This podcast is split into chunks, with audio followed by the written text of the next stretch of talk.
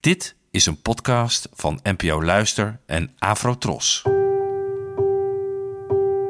Poëzie vandaag. Met Ellen Dekwits.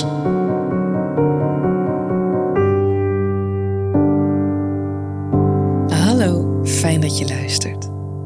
Het gedicht van vandaag heet Ik ben mijn eigen moeder nu en werd geschreven door de Malawische dichteres Stella Chipasula. Geboortejaar onbekend en vertaald door mij. Ik ben mijn eigen moeder nu. Moeder, ik bemoeder je nu. In mijn eentje draag ik de last van het voortbestaan. In mij ben je opgerold als een harde vraag zonder een antwoord.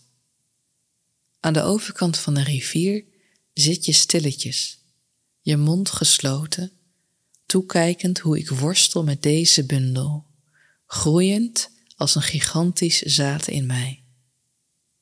In je gesloten vuist verberg je de raadsels van het fruit of het kind van klei, die je aan mij vertelde voor je je omdraaide en wegliep, opging in de mist. Maar moeder, ik bemoeder je nu. Nieuwe generaties gaan door mijn bloed en ik draag je trots op mijn rug, waar je niet langer een vraag bent.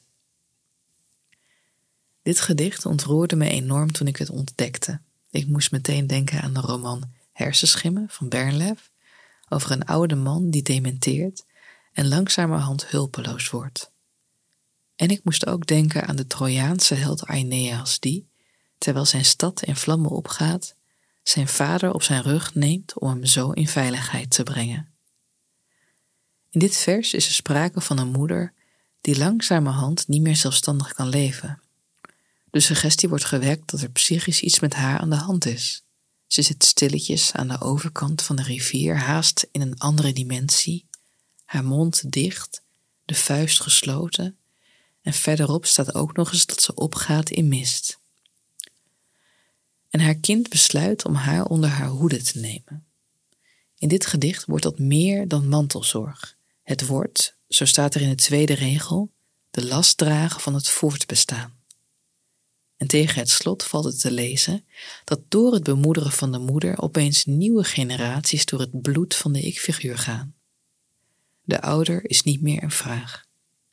De zorgtaken zijn omgewisseld. De cirkel is rond. Bedankt voor het luisteren en tot de volgende keer. Afro Tros, de omroep voor ons.